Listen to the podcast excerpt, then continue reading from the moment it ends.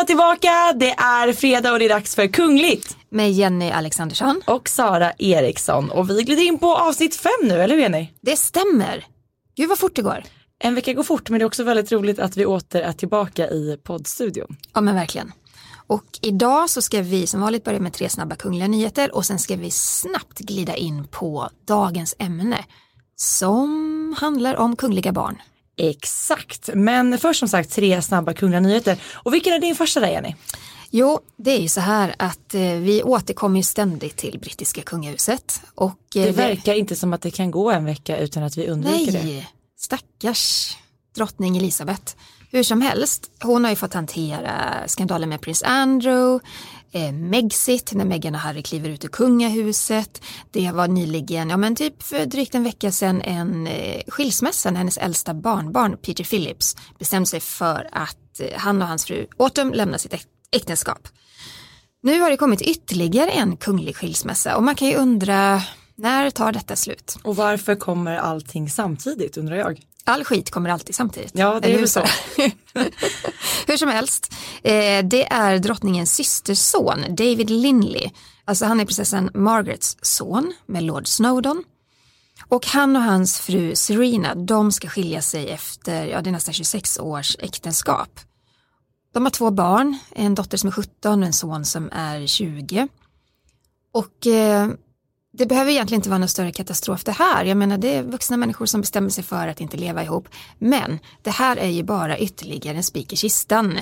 Eller hur? Ja men det har varit lite för många sådana och det hann inte ens gå en vecka sen vi fick ett besked om en skilsmässa och nu kommer en till och som vi pratade om förra veckan att det stundar faktiskt ett bröllop i Storbritannien. Stackars Beatrice, hennes bröllop hamnar, hamnar verkligen i skymundan av ja, allt det, det här trasslet. Jag fick ett, eh, ett lyssnarmail igår och då var det en man som tyckte att, men varför pratar ni om de här skilsmässorna? För det har, ju, det har ju egentligen inte någonting med drottning Elisabeth att göra. Hon ska väl som mormor eller släkting rent utav kunna strunta i om hennes eh, släktingar skiljer sig. Ja, det kan man verkligen tycka. Att hon som privatperson, mormor, hon behöver inte lägga sig i detta. Det kan vara, det kan vara sorg för en familj, absolut. Men det kan också vara en bra skilsmässa. Men det är ju som offentlig person, som eh, regent över Storbritannien som hon får detta i sitt knä. Därför att medierna skriver, folk pratar. Alltså det, Vi pratar om det. Ja, alltså det blir liksom en offentlig, det blir en skilsmässa i det offentliga. Och det och får ju hon handlar nog det hantera. också om att jag tror heller inte att det här hade blivit så stort om det inte heller hade varit för allt annat som har hänt. Det blir bara en ytterligare dimension på allting som redan har rörts runt och mm. jag tror att anledningen till att det rapporteras så extremt mycket om det just nu det är just för att eh, kungahusets eh, anseende har ju redan hamnat lite i skuggan på grund av, av mm. liksom Harry och Meghan och allt det här, Andrew. Och då bara lägger man på ytterligare saker. Det blir liksom mm. bara större och större. Jag tror att det är därför det också blir så stort just nu. Så är det ju, såklart. Mm. Min eh, snabba kungliga nyhet är ju så att kronprins Fredriks har ju fått sin axel skadad. Ajdå. Ajdå, i skidbacken i Alperna och han behövde faktiskt flygas hem till Köpenhamn där han blev vårdad på sjukhuset och eh, det ska inte vara någon för, större skada med eh, kronprinsen men han har ändå skadat sig och därifrån för det är ju faktiskt så att eh, den danska kronprinsfamiljen bor just nu i Alperna, eller hur Jenny? Ja, det gör de. Eh, de bor i Verbier där barnen går i skola. De har ju fyra barn och eh, det här beslutet togs för ett tag sedan och det har ju pratats mycket om det att eh, i tre månader så ska familjen bo där för att barnen ska få uppleva någonting annat. Eh, det är väl så snacket har gått helt mm. enkelt. Mm. Någon annan förklaring har vi inte fått. Nej. Men de går i skola där i tre månader och sen är det tanken då att de ska flytta hem till Köpenhamn Om jag har igen. förstått det rätt så har ju deras mor då, eh, kronprinsessan Mary, bott där med barnen och sen har kronprins eh, Fredrik varit lite flytande. Han har varit både och liksom skött sina kungliga uppdrag i Danmark och sen varit en del i Verbier. Men nu fick alltså kronprinsen åka hem på grund av den här skadan. Mm. Men eh, vi hoppas att han kryar på sig. Det gör han säkert. Yes. Och den sista kungliga nyheten den handlar om eh, prinsessan Leonor som fyllde sex år i torsdags. Hurra och stort grattis önskar vi såklart henne. Och eh, just den här åldern, sex år, det är lite intressant för att eh, i höstas så blev hon av med sin eh, kungliga höghet titel. Hon är alltså inte längre en del av det kungliga huset. Och hade hon varit det, Jenny, och nu fyller sex år, då hade det sett lite annorlunda ut. Ja, därför att enligt eh, successionsordningen så måste ju då kungliga barn som är en del av tronföljden gå i skola och växa upp eh, i Sverige. Och då har eh, förra riksmarskalken tolkat det som att det ska ske från och med sex års ålder. Och det är det man har hållit sig till och eh, det var väl också därför som kungen tog det här beslutet delvis eh, förra året att de här barnbarnen inte ska vara en del av kungahuset. Och då är de mer fria att gå i skola var de vill i världen. Och kunna bo kvar i Florida utan att någon egentligen ifrågasätter det i och med att mm. situationen mm. nu ser helt annorlunda ut. Så att eh, ja, sex år är hon nu alltså, men hon behöver inte flytta hem till Sverige och gå i svensk skola. Så är det. Så är det med det. Och en annan prinsessa då som inte har ett lika fritt liv eh, utan snarare en ganska utstakad framtid det är ju hennes kusin prinsessan Estelle. Mm. Och eh, hon fyller också år den här veckan. På söndag så fyller hon åtta år och eh, vi har ju valt att ett av veckans huvudämnen då ska röra just prinsessan Estelle. Mm. För hon är i en väldigt speciell situation. Och vi ska gå in lite mer i detalj på det men eh, vi kan ju konstatera att hon är ett barn som inte har samma valmöjligheter som andra svenska barn. Därför att hennes framtid är redan utstakad. Det ska vi prata mer om.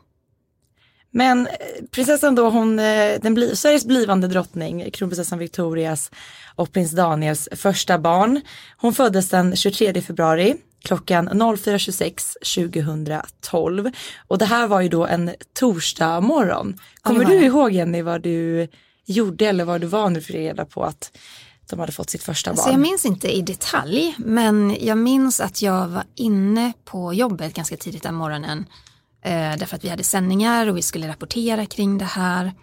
Eh, hon föddes ju på Karolinska sjukhuset i Stockholm Eh, däremot minns jag väldigt väl den här eh, pressträffen som prins Daniel hade.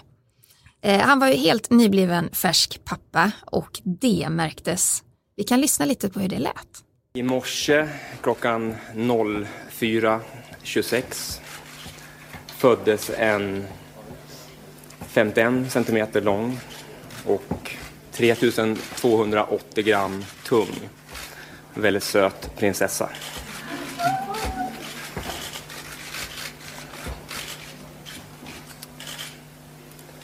Och mina känslor är lite all over the place. Eh, ja, när jag gick nu från rummet så låg den lilla prinsessan på sin moders bröst och såg ut att ha det väldigt mysigt så det var svårt att slita sig. Ja, Daniel han eh, måttade upp med händerna också inför alla fotografer hur eh, lång och det var nästan exakt på centimetern hur han måttade upp med händerna, vilket han har fått, det var en väldigt stor uppmärksammad grej det här.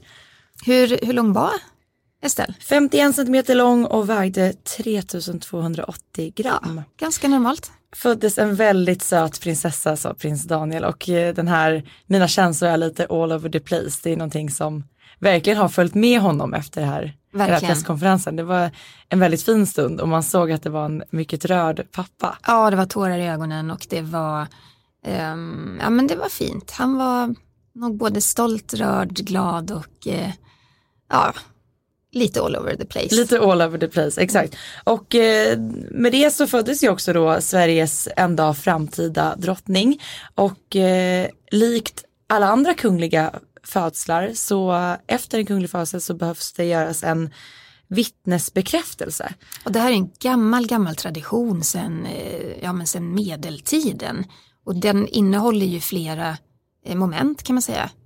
Men berätta om vittnesbekräftelsen. Ja men det är då som du säger, det är en långt gången eh, tradition och eh, det ska då ske dagen efter födseln om då inte födseln sker på en helgdag. Då sker den då följande måndag. Och eh, det består då av att eh, talmannen, statsministern, riksmarskalk samt eh, överhovmästarinnan är vittnen och då skriver under ett dokument kan man säga på att de då har sett det här barnet och ser att det faktiskt finns på riktigt. Och, Men varför gör man detta? Ja, men det är väl på något sätt att flera ska vittna om att det har hänt och att det här barnet att finns och att det barn. är ett äkta barn. Ja. Det låter ju så här väldigt medeltid ja. att det ska behöva gå till så men det är liksom det är långt gångna, gångna traditioner och det är väl just för att om man tänker sig förr i tiden så att barn inte skulle bytas ut eller att det skulle vara just det barnet. Mm. som en dag då också, för det finns ju också en, det är faktiskt det här barnet som en dag ska ta över kronan. Ja. Och då är det viktigt att det är rätt barn så att säga.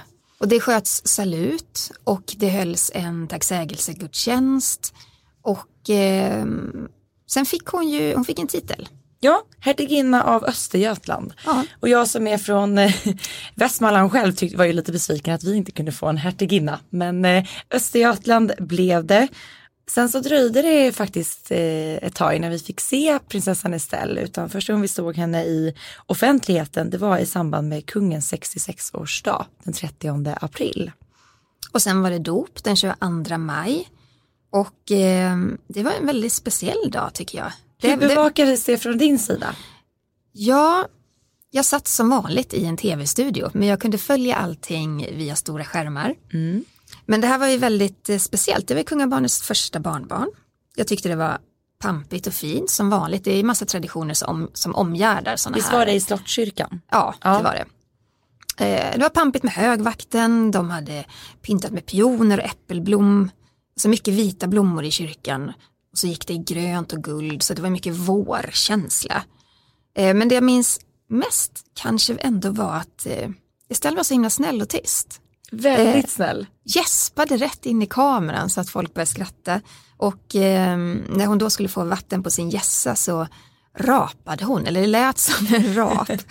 ja, men det, är så, här, det är så gulligt och eh, jag tycker också det är skönt att man liksom i ett kyrkorum kan få skratta, att det kan vara lite, det är pampigt, traditionellt, eh, lite konservativt då liksom i det här kyrkorummet men samtidigt så kan man också ha ganska skön stämning, man kan skratta, man kan liksom Och det tycker jag verkligen vi har, vi har sett vid alla de här dopen faktiskt de senaste åren. Både när eh, prinsessa Madeleine och prins Carl Philips barn har dött. Så att just barnen, de får ju verkligen vara just barn. Det har inte suttit stilla vid några stolar där inte. Nej, utan gud. Det har sprungits omkring och det har dansats och busats och leksaker och någon tandborste och, och allt möjligt. Och jag tycker det är väldigt härligt just när den här, det här traditionella möter det lite mer moderna och lekfulla. Namnen är ju också både traditionella och eh, moderna. Vad fick hon för namn? Estelle, Silvia, Eva, Mary. Och eh, Silvia då, det är ju såklart efter eh, mormor, drottning Silvia. Eva är efter prins Daniels mamma och Mary är ju efter Estelles eh, gudmor. För det är kronprinsessan Mary av Danmark som är en av faddrarna. För sen är det även då, eh, han var dåvarande kronprins Wilhelm Alexander, numera kung av Nederländerna. Eh, kronprins Hakon av Norge, kronprinsessan Mary av Danmark och sen är det då prins Carl Philip samt faster Anna Westling som är faddrar till Estelle. Ja, och Estelle, det var ju ett väldigt eh, ovanligt namn just då för en kunglighet. Eh, men det har ju förekommit i släkten innan. Ja, och det är det som är spännande. Det är ju så här att eh, vår kungs gudfar, det var Folke Bernadotte och honom känner man igen sen historien, det var han med vita bussarna eh, och han gjorde väldigt mycket gott. Men han var gift då med Estelle Bernadotte. Eh, och hon kom också betyda mycket för, för kungafamiljen och för kungen. Så att det var, jag tycker det var fint att man valde det namnet, att det går liksom vidare i släkten och det har en betydelse för den närmsta familjen. Och där har man ju verkligen sett hur eh, då prinsessan Estelles namn har påverkat namntrenden Estelle. För idag är ju faktiskt inte Estelle ett särskilt ovanligt namn utan det är ganska många som heter Estelle. Så är det. Och eh, Estelle har ju då vuxit upp på Haga slott ihop med mamma och pappa. År 2016 så kom ju lillebror Oscar till världen. Och eh, där ute har de det ju bra. De har det jättebra och Estelle hon går ju på förskola, eller gick på förskola som eh, många andra barn gör. Eh, den hette förskolan Äventyret och låg i Danderyds kommun utanför Stockholm. Men helt plötsligt så bestämde sig Victoria Daniel för att byta förskola. Och det kan man väl tycka att är det ens en nyhet? Ja men det blev det därför att det här handlar om Sveriges framtida drottning. Så det skrevs mycket om att hon bytte förskola eh, av logistiska skäl. Eh, jag tror nog snarare att det handlar om att den nya förskolan, Montessori-förskolan Lilla Kvikkjokk, eh, som låg på Djurgården, där gick ju flera av Victorias vänners barn, och, alltså lekkompisar till Estelle. Säkert eh, sådana vänner som hon umgås mycket med privat också ja, utanför förskolan. Precis. och det är ju en trygghet. Eh, men hon bytte i alla fall. Idag går hon på skola på, nu ska jag inte säga fel för vi höll på att prata om det här igår när vi spelade in tv.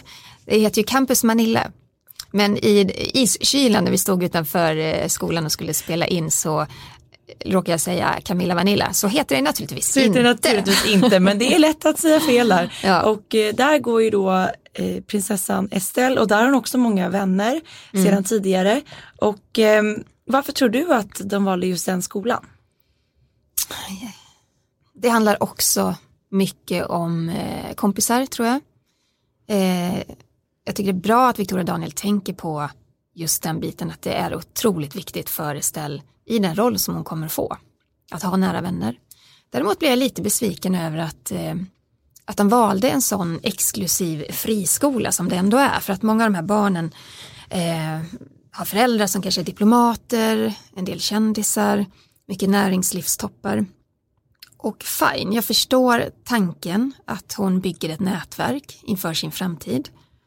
Men jag tror också att det hade varit viktigt för henne att umgås med, ja men kanske gå i en kommunal skola de första åren, kanske lära känna andra typer Just för att kunna vidga vyerna menar du då? Ja, jag, jag tror att det är jätteviktigt. Mm. Sen gör väl hon det säkert på andra sätt. Hon går ju i dansskola och hon, hon har massa andra aktiviteter.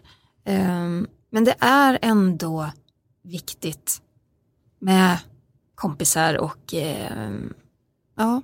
För vi ser ju faktiskt hur både kronprinsessan och prins Daniel är väldigt måna om att Estelle ska utöver då kanske skolmiljön få, ett, få en bra inblick i det så kallade vanliga livet. Mm. Och vi har ju sett både hur de tar henne med och åker tunnelbana, de går på kanske en helt vanlig restaurang och så vidare. Just för att mm. man ska få en inblick i att, hur det faktiskt fungerar, vilket jag tror är jätteviktigt. Det är jätteviktigt. Sen ska vi inte sticka under stol med att eh, det här är ett barn som aldrig på riktigt kommer få uppleva den världen. Eh, hon kan ju med intellekt och empati förstå den, men hon kommer aldrig riktigt kunna eh, hon kommer aldrig, aldrig vara i den. Hon kommer aldrig oroa sig för att betala räkningar. Hon kommer aldrig oroa sig för eh, det ena och det andra därför att det kommer hon ha gratis i sitt liv. Och det ska man ju vara öppen med att det är ett privilegierat liv eh, och att vara ett barn som växer upp i en sån här familj där det alltid finns pengar, möjligheter, dörrar öppnas.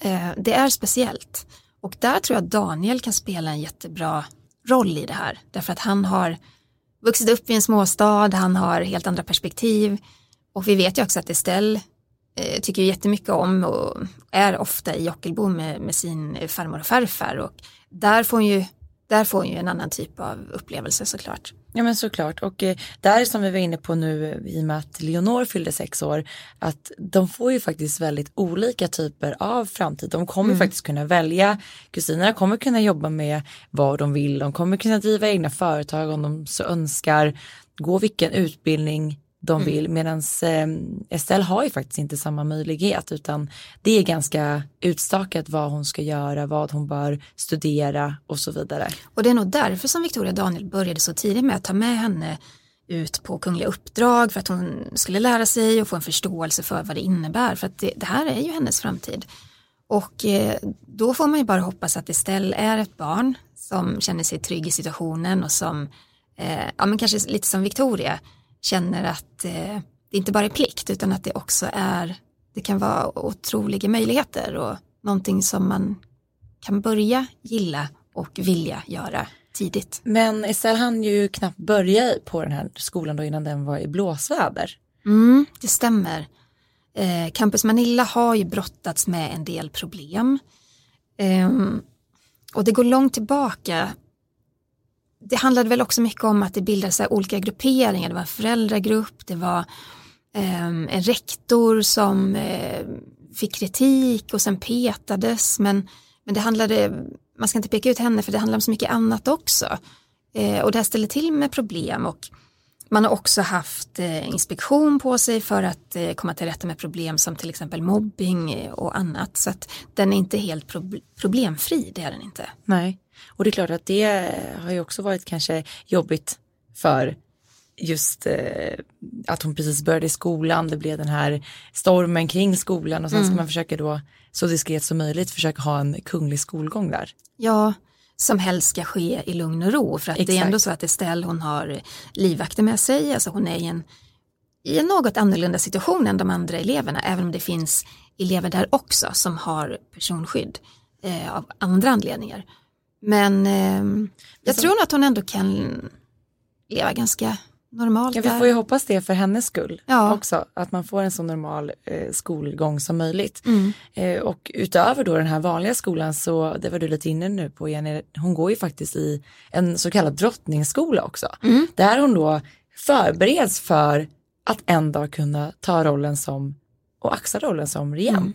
Och det här började ju jättetidigt, redan när hon var två år bara så gjorde hon faktiskt sin första representation när hon var med och invigde en sagostig som hon fått i dopgåva av eh, sitt hertigdöme. Två år är tidigt. Det är väldigt tidigt, jag är inte övertygad om att hon själv, hon minns ju säkert inte det, men Nej. att redan då vara i rampljuset, fotografer, filmkameror, riktigt så, det var ju klart att det var en stor, stor grej att få se Alltså, det är nog det första. bästa, verkligen det bästa Victoria Daniel kan göra. Mm, Att hon från blir början. trygg i det här redan från dag ett. Och det är ju inte bara när det handlar om sådana här saker, vi har ju sett även hur, eh, som du sa, de tar med Estelle vid väldigt många olika tillfällen. Eh, Hon har fått besökt slottets verksamhet för att se hur, den, hur de arbetar på slottet. Kronprinsessan själv, hon eh, praktiserade ju vid husgerådskammaren just för att få en bra inblick och det är kanske någonting vi kan räkna med att Estelle kommer göra också. Men vad härligt tänker jag, för att jag minns ju med fasa min egen prao man hade så här i årskurs fem och sen var det väl i åttan och jag vet att jag var på Volvo och skar kablar en hel vecka och man Då bara tycker jag att dog slottet av låter trevligare. Ja men verkligen, och hon gör ju då prao på sitt framtida jobb, det är ju hemma vid liksom. Å andra sidan, jag praktiserade på ett eh, café när jag var 14 och sen började jag jobba där så att Ja, ly- lill och steg. Lill och Stig. Nej men utöver då den här drottningsskolan, utöver den vanliga skolan så har ju såklart även Estelle som alla andra barn en fritid. Man får leka med kompisar och göra så här fritidsaktiviteter. Du nämnde dans, hon är också väldigt intresserad av hästar. Hon har sin egen ponny Viktor som eh, står vid eh, hovstallet som jag sett bilder på flera gånger när de är ute och rider.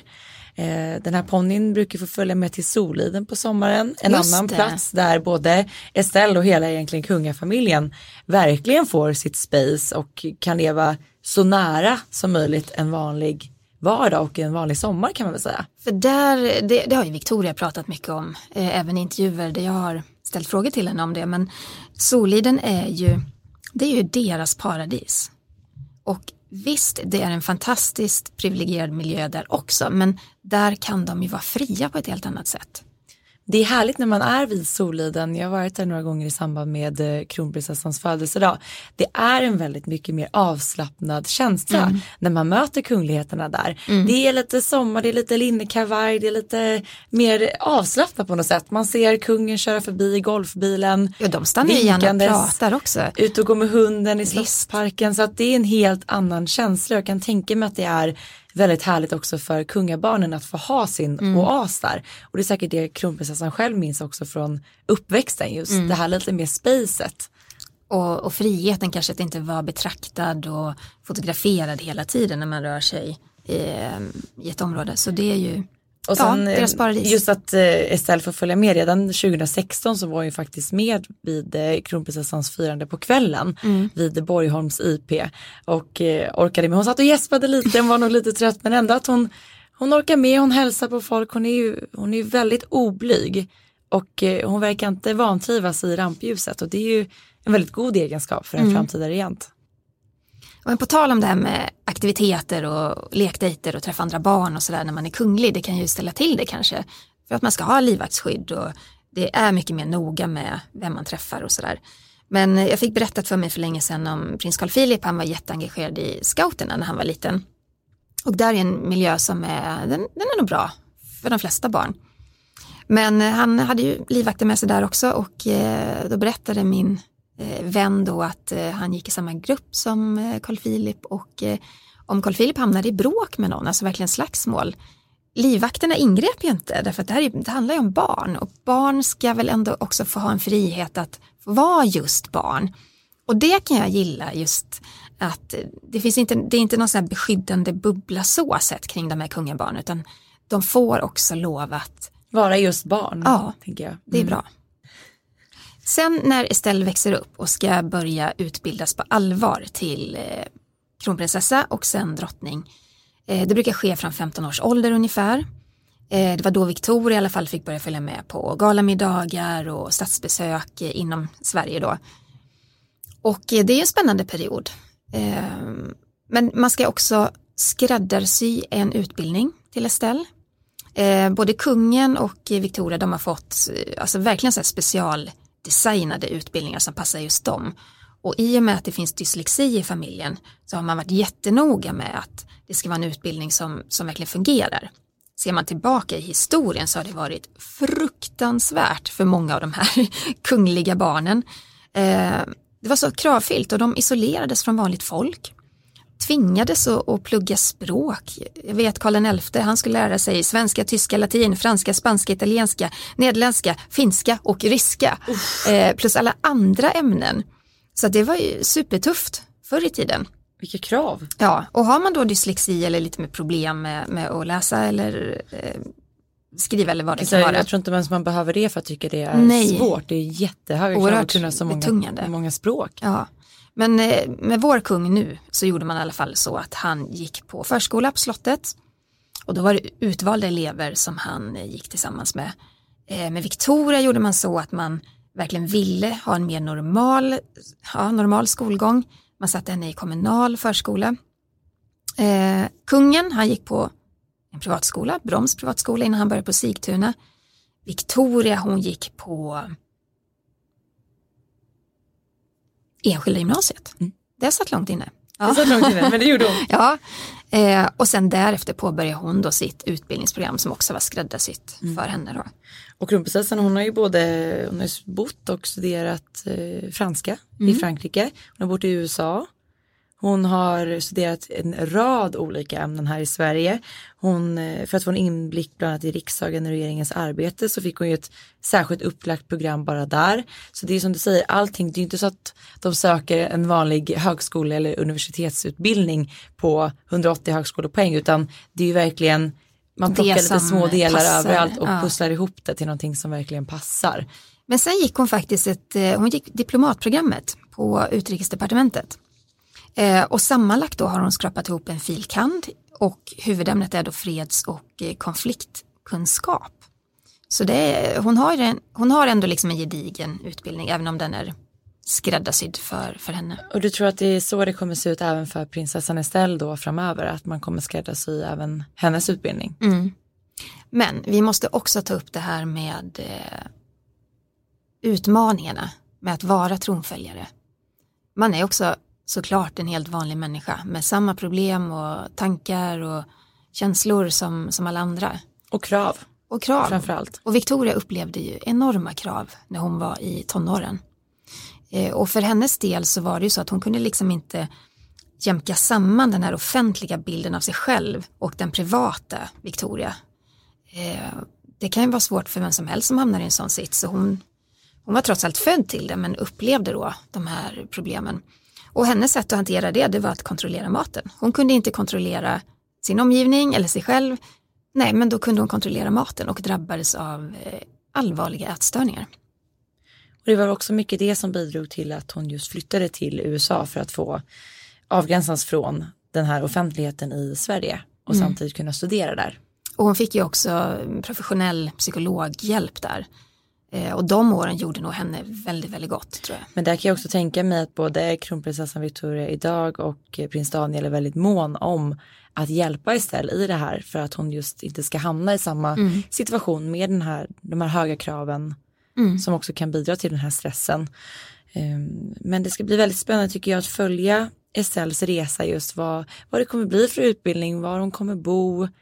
Och vad hon blir för typ av person, för vi har inte sett, vi har inte sett jättemycket av henne, även om eh, kungahuset är generösa med bilder och att hon är med på mycket så håller de ju henne fortfarande lite grann i den här skyddande bubblan och så ska det ju vara. Så det är klart det ska vara så men det lilla man har sett av prinsessan Estelle så tycker jag att hon verkar vara en väldigt framåt person som mm. gärna tar för sig och pratar utan problem med eh, alla typer av människor. Det ser man framförallt då vid kronprinsessans firande utanför eh, Solidens slott att hon hjälper gärna till och hälsar på människor, tar bilder och, och bär presenter och gåvor och blommor så att hon det lovar gott. Det lovar väldigt gott för mm. att kunna axla den rollen. Just det. Och eh, det jag också tycker är så spännande utöver då bara prinsessan Estelle här i Sverige är att om vi blickar ut över Europa så har vi liksom en framtid med drottningar. Drottningarna kommer regera mm. och det är, känns ju väldigt modernt och rätt i tiden. Verkligen.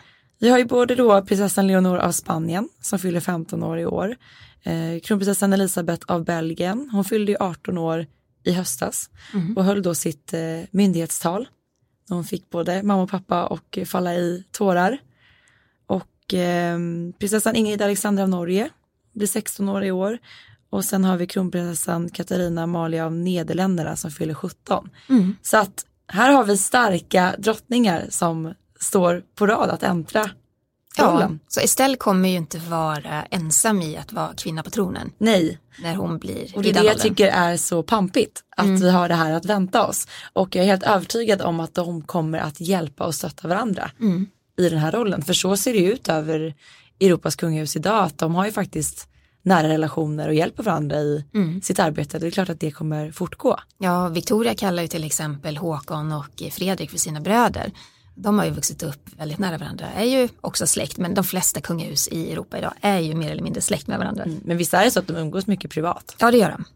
Det gör de. Men på tal om Victoria och Daniel. Ja, äntligen lite bröllopsfeeling. Du älskar kungliga bröllop. Ja men jag gör det. Ja. Jag är mer eller mindre besatt av kungliga bröllop och tycker att det är underbart. Det finns ingenting som kan få mig på så gott humör. Jag eh, tittar ofta om och om igen på kungliga bröllop. Men varför jublar du nu? De är ju gifta. Exakt, men de firar ju tioårig bröllopsdag i år. Den 19 juni så har de alltså varit gifta i hela tio år och det här mm. kan jag inte förstå. Att det faktiskt har gått tio år. Mm.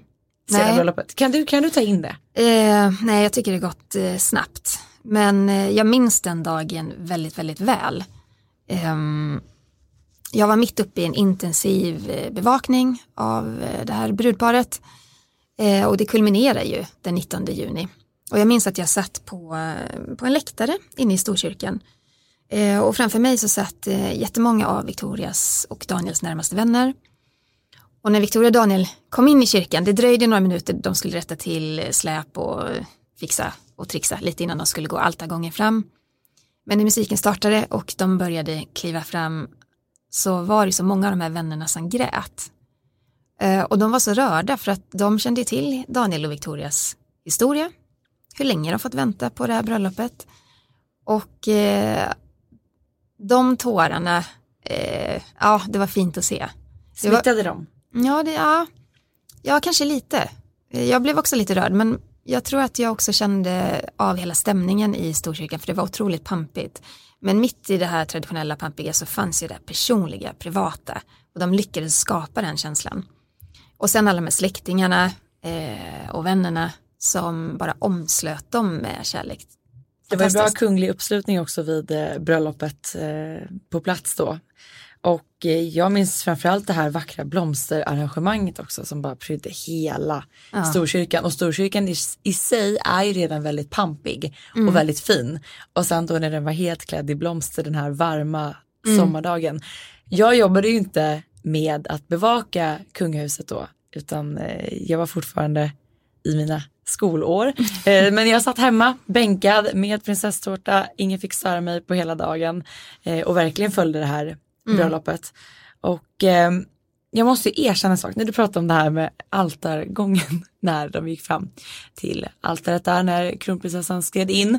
Då spelades ju en speciell låt och det kan vara så här, jag sitter hemma, jag har middagar med mina vänner, vi kanske lyssnar på lite partymusik, det är lite festlig stämning och då finns det en automatisk inställning på Spotify som gör att om man låter det bara rulla på med musik så kan det bara hoppa in på någon låt som spelas väldigt ofta. Mm. Tänk dig att man sitter mitt i en middag eller mitt i någon härlig fördrink och sen kommer den här låten på.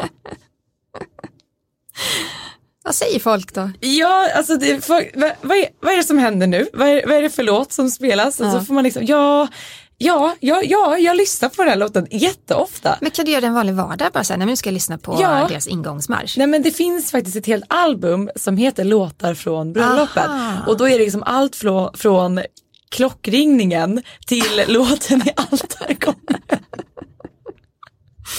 och sen alla psalmer så här, jag jag är sån. Jag tycker det här är jättevackert och jag mm. kan alltså på väg till jobbet lyssna, lyssna på, på en bröllopsmarsch. Ja. Kan vi inte lyssna på den Sara? Hur låter den?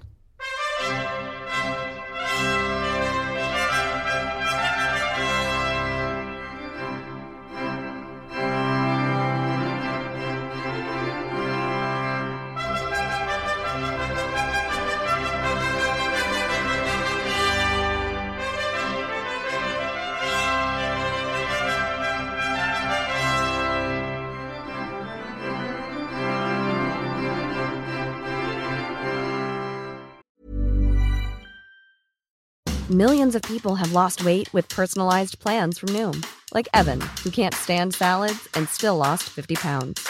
Salads, generally, for most people, are the easy button, right? For me, that wasn't an option. I never really was a salad guy. That's just not who I am. But Noom worked for me. Get your personalized plan today at Noom.com. Real Noom user compensated to provide their story. In four weeks, the typical Noom user can expect to lose one to two pounds per week. Individual results may vary. Ja, men du förstår ju att det blir, det blir en liten, eh, mm. kanske konstig stämning. Man har precis lyssnat på någon sån här topplistelåt och sen dundrar den här igång. Det är ju en liten kontrast men det är härligt, det är kul och det symboliserar också eh, att intresset är starkt. Mm. Vad minns du mer av den här dagen? Jag minns också från kyrkan väldigt väl den här fina sången som eh, Björn Skifs och Eh, Agnes framförde. Mm. En låt som var nyskriven inför bröllopet och som både kronprinsessan och prins Daniel hade varit, varit med och forma lite grann. Och eh, det har ju kommit att bli lite av en klassiker. Jag tror att den har fått spelas på väldigt många bröllop mm. därefter. Eh, det var väldigt fint och sen, ja men hela den här bubblande stämningen som var i Stockholm och som man kände även genom en tv-ruta runt om i hela landet och vad det betyder för ett land med den här typen av folkfest, för det är faktiskt vad det blev. Det blev ju en kärleksfest i hela landet. Och det blir en enande kraft kan man säga. Det hade varit ganska mycket skandaler och mycket negativa skriverier om kungahuset innan bröllopet. Den här skandalboken till exempel om kungen och ja, det var mycket som gjorde att eh, det här bröllopet lite grann det satt, satte punkt för, ja. för det. De hade också en väldigt lång kortege genom mm. hela sta staden, både till häst och vagn och sen också båt. Eh, de togs emot framför slottet där man också hade gjort så otroligt vacker med den här gräsmattan. Eh, och sen minns jag framför allt eh, kronprinsessan Victorias tacktal till folket. Jag vill börja med att tacka svenska folket för att ni har gett mig min prins. Mm. Vi, min make och jag Oj.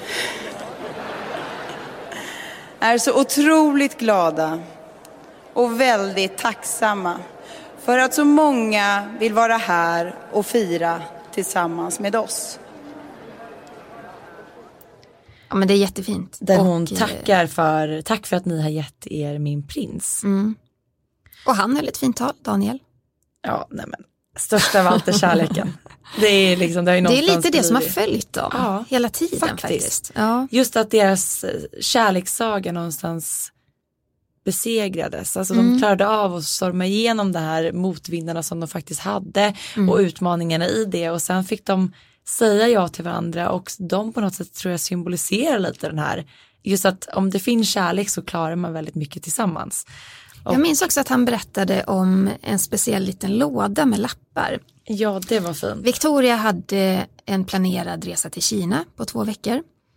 Och eh, hon hade skrivit en liten kärlekslapp till Daniel som han skulle öppna en i taget eh, varje dag. Och jag var ju med henne i Kina och bevakade den resan hon gjorde där. Jag försökte ställa frågor till henne om Daniel, eh, men hon eh, var som sagt inte så pigg på att prata om sin kärlek. Det kunde komma någon kommentar här och där. Eh, men under den resan så hade de inte jättemycket kontakt med varandra. Så då var den här lådan med lappar då en kärleksförklaring till honom hemma i Stockholm. Och det var ju så fint också tycker jag att vi fick ta, vi fick ta del av hela bröllopet, vi fick ta del av hela middagen, vi fick ta del av bröllopsvalsen när de skar upp sin tårta. Mm. Det gav ju en väldigt fin inblick i allting, man fick verkligen vara med på hela, mm. Hela tillställningen. Och eh, en annan grej man måste passa på att hylla det är ju faktiskt prins Daniels fars tal. Ja det var fint. Han var, var, bra väl, på det där. Han var väldigt bra på att tala. Olle Westling. Yes, ja. och han var också väldigt eh, transparent och berättade just det att eh, de kan vara ute och, vara ute och plocka blåbär mm. i Ockelbo och kronprinsessan var med som en helt vanlig person. Just den här kontrasten mot den kungliga världen fick man liksom mm. höra om i det här talet. Det tycker jag också var väldigt fint. Mm. Och jag, jag kommer ihåg att jag jag rörde mig mycket kring Storkyrkan och Kungliga slottet och Drottningholm de här dagarna. Eh, just för att vi bevakade bröllopet och förberedelserna. Och jag minns att jag såg eh, Per Engseden, han eh, designade ju Victorias klänning, den var otroligt vacker. Väldigt traditionell och väldigt fin. Jag tror ja. den, den typen av brudklänning, den kommer liksom alltid rent stilmässigt att hålla. Man ska, kommer kunna bära den för alltid, den är mm. otroligt mm elegant. Jag såg honom vid avspärrningarna, jag tror det var tidigt eh, samma morgon. Och det, stod, det var i Gamla stan och det stod folk runt omkring de här avspärrningarna i väntan på att få kanske släppas närmare kyrkan och sådär. Eh, och jag var på väg till en tv-studio, jag tror det var tysk eller dansk tv, jag minns inte längre.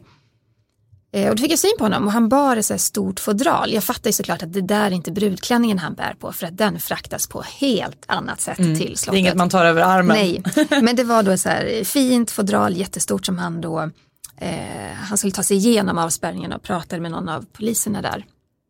Eh, och då tänkte jag att antingen är det där någon av brudnäbbarnas kläder eller kanske till någon i kungafamiljen någon gäst eller någon eh, i familjen som skulle ha den där klänningen. Men det var sån här, man fick såna inblickar hela tiden i eh, vad som pågick och eh, de var också ganska generösa vid hovet att ge en inblick i blomsterdekorationer eller det som pågick på Drottningholm kvällen innan. Det var en middag för eh, alla vänner och tillresta kungligheter och sådär. Så att det var... Mm, och dagen innan var det också den här konserten vid Konserthuset. Ja, men just det. Det är då kronprinsessan gjorde entré i den här otroligt vackra glitterklänningen. Ja, var det yes. har gjort den? Ja, stämmer. Snyggt. Och det var en väldigt fin tillställning. Alla samlades, det framfördes, eh, några av Sveriges största artister var där, framförde låtar. Det var en otroligt, jag minns den här barnkören ja, som sjöng för dem. Det var, det var väldigt vackert. Och Victoria hade någon så här hårprydnad i form av en kärlekspil ja. i sin knut. Så det var mycket genomtänkt. Allting. Det fanns en röd tråd genom allt, ja. från dag ett. Störst av allt är kärleken. Störst av allt är kärleken. Och eh, vi, kan vi inte halka in lite på? Jo. Jo. Vid bröllopet så bar ju kronprinsessan kamelerna mm. och de är ju väldigt flotta. och en väldigt eh, typisk kärleksdiadem. Verkligen. Hade du tänkt att hon skulle bära dem eller tänkte du Trodde du att hon skulle ha annat alltså diadem? Jag anade väl i och med att eh, det är samma diadem som eh, drottningen bar när hon gifte sig 1976. Så kanske tänkte jag att de delar samma bröllopsdag. Då kanske man även kommer dela vissa av de här detaljerna och, och så blev det ju. Mm. Och både prinsessan Birgitta och eh, prinsessan Desiree mm. bar ju också det här diademet och eh, det har liksom blivit lite av en tradition då. Det har det bland, ju verkligen. Bland de kungliga brudarna. Och eh, det här är ju från början då någonting som drottning Josefina medförde i början på 1800-talet eh, till Sverige. Och eh, sen dess har det funnits där i samlingarna och jag tyckte det var väldigt fint att de plockades fram och de, de gjorde sig väldigt bra på mm. kronprinsessan. Mm. Det här vackra armbandet också till, den här nätta men ändå eleganta klänningen och sen det där pampiga, ganska höga diademet mm. med de här sju olika små porträtterna. Ja, det är jättefint. Mm. Nej, men hon har nog eh, aldrig varit vackrare ändå. Nej, det strålade verkligen ja. om både henne och, eh, och prins Daniel. Och eh, vet vi hur det här kommer att firas i år? Mm, jag är säker på att man uppmärksammar det här på något sätt officiellt. Eh, sen om det handlar om att man får nya bilder på paret eller det sker någon slags utställning, det får vi ju se. Men på något sätt så kommer det ju uppmärksammas, det är jag övertygad om. Eh, men sen kommer de ju säkert fira privat. På något Ja, det sätt får vi också. verkligen hoppas. Och där får man ju inte någon inblick Det får vi ingen inblick men Nej. i alla fall en liten bild kan vi väl få ta del av tycker jag. Mm, Det vore härligt. det vore härligt. Ja. Men då blev det riktigt mycket kärlekssnack den här veckan. Det tycker jag är underbart. Familj, kärlek, eh, ja, bröllop och eh, barn. Härligt, Härligt, bra uppladdning inför helgen. verkligen. Vi är åter om en vecka igen. Och tills dess kan ni ju följa oss. Och eh, ni hittar alla gamla avsnitt på Acast, i din iPhone. Eh, var, var är mer någonstans? Spotify, Spotify. finns vi också. Ja. Där poddar finns som man Där säger. finns. Och eh, vi finns även på Instagram. Eh, mig hittar ni på Instagram, eh, kungligt med Jenny. Och mig hittar ni på royalistan.se. Häng gärna kvar där så ses, eller hörs vi. Vi ses inte men vi hörs om en vecka. Ha det gott! Ha det bra.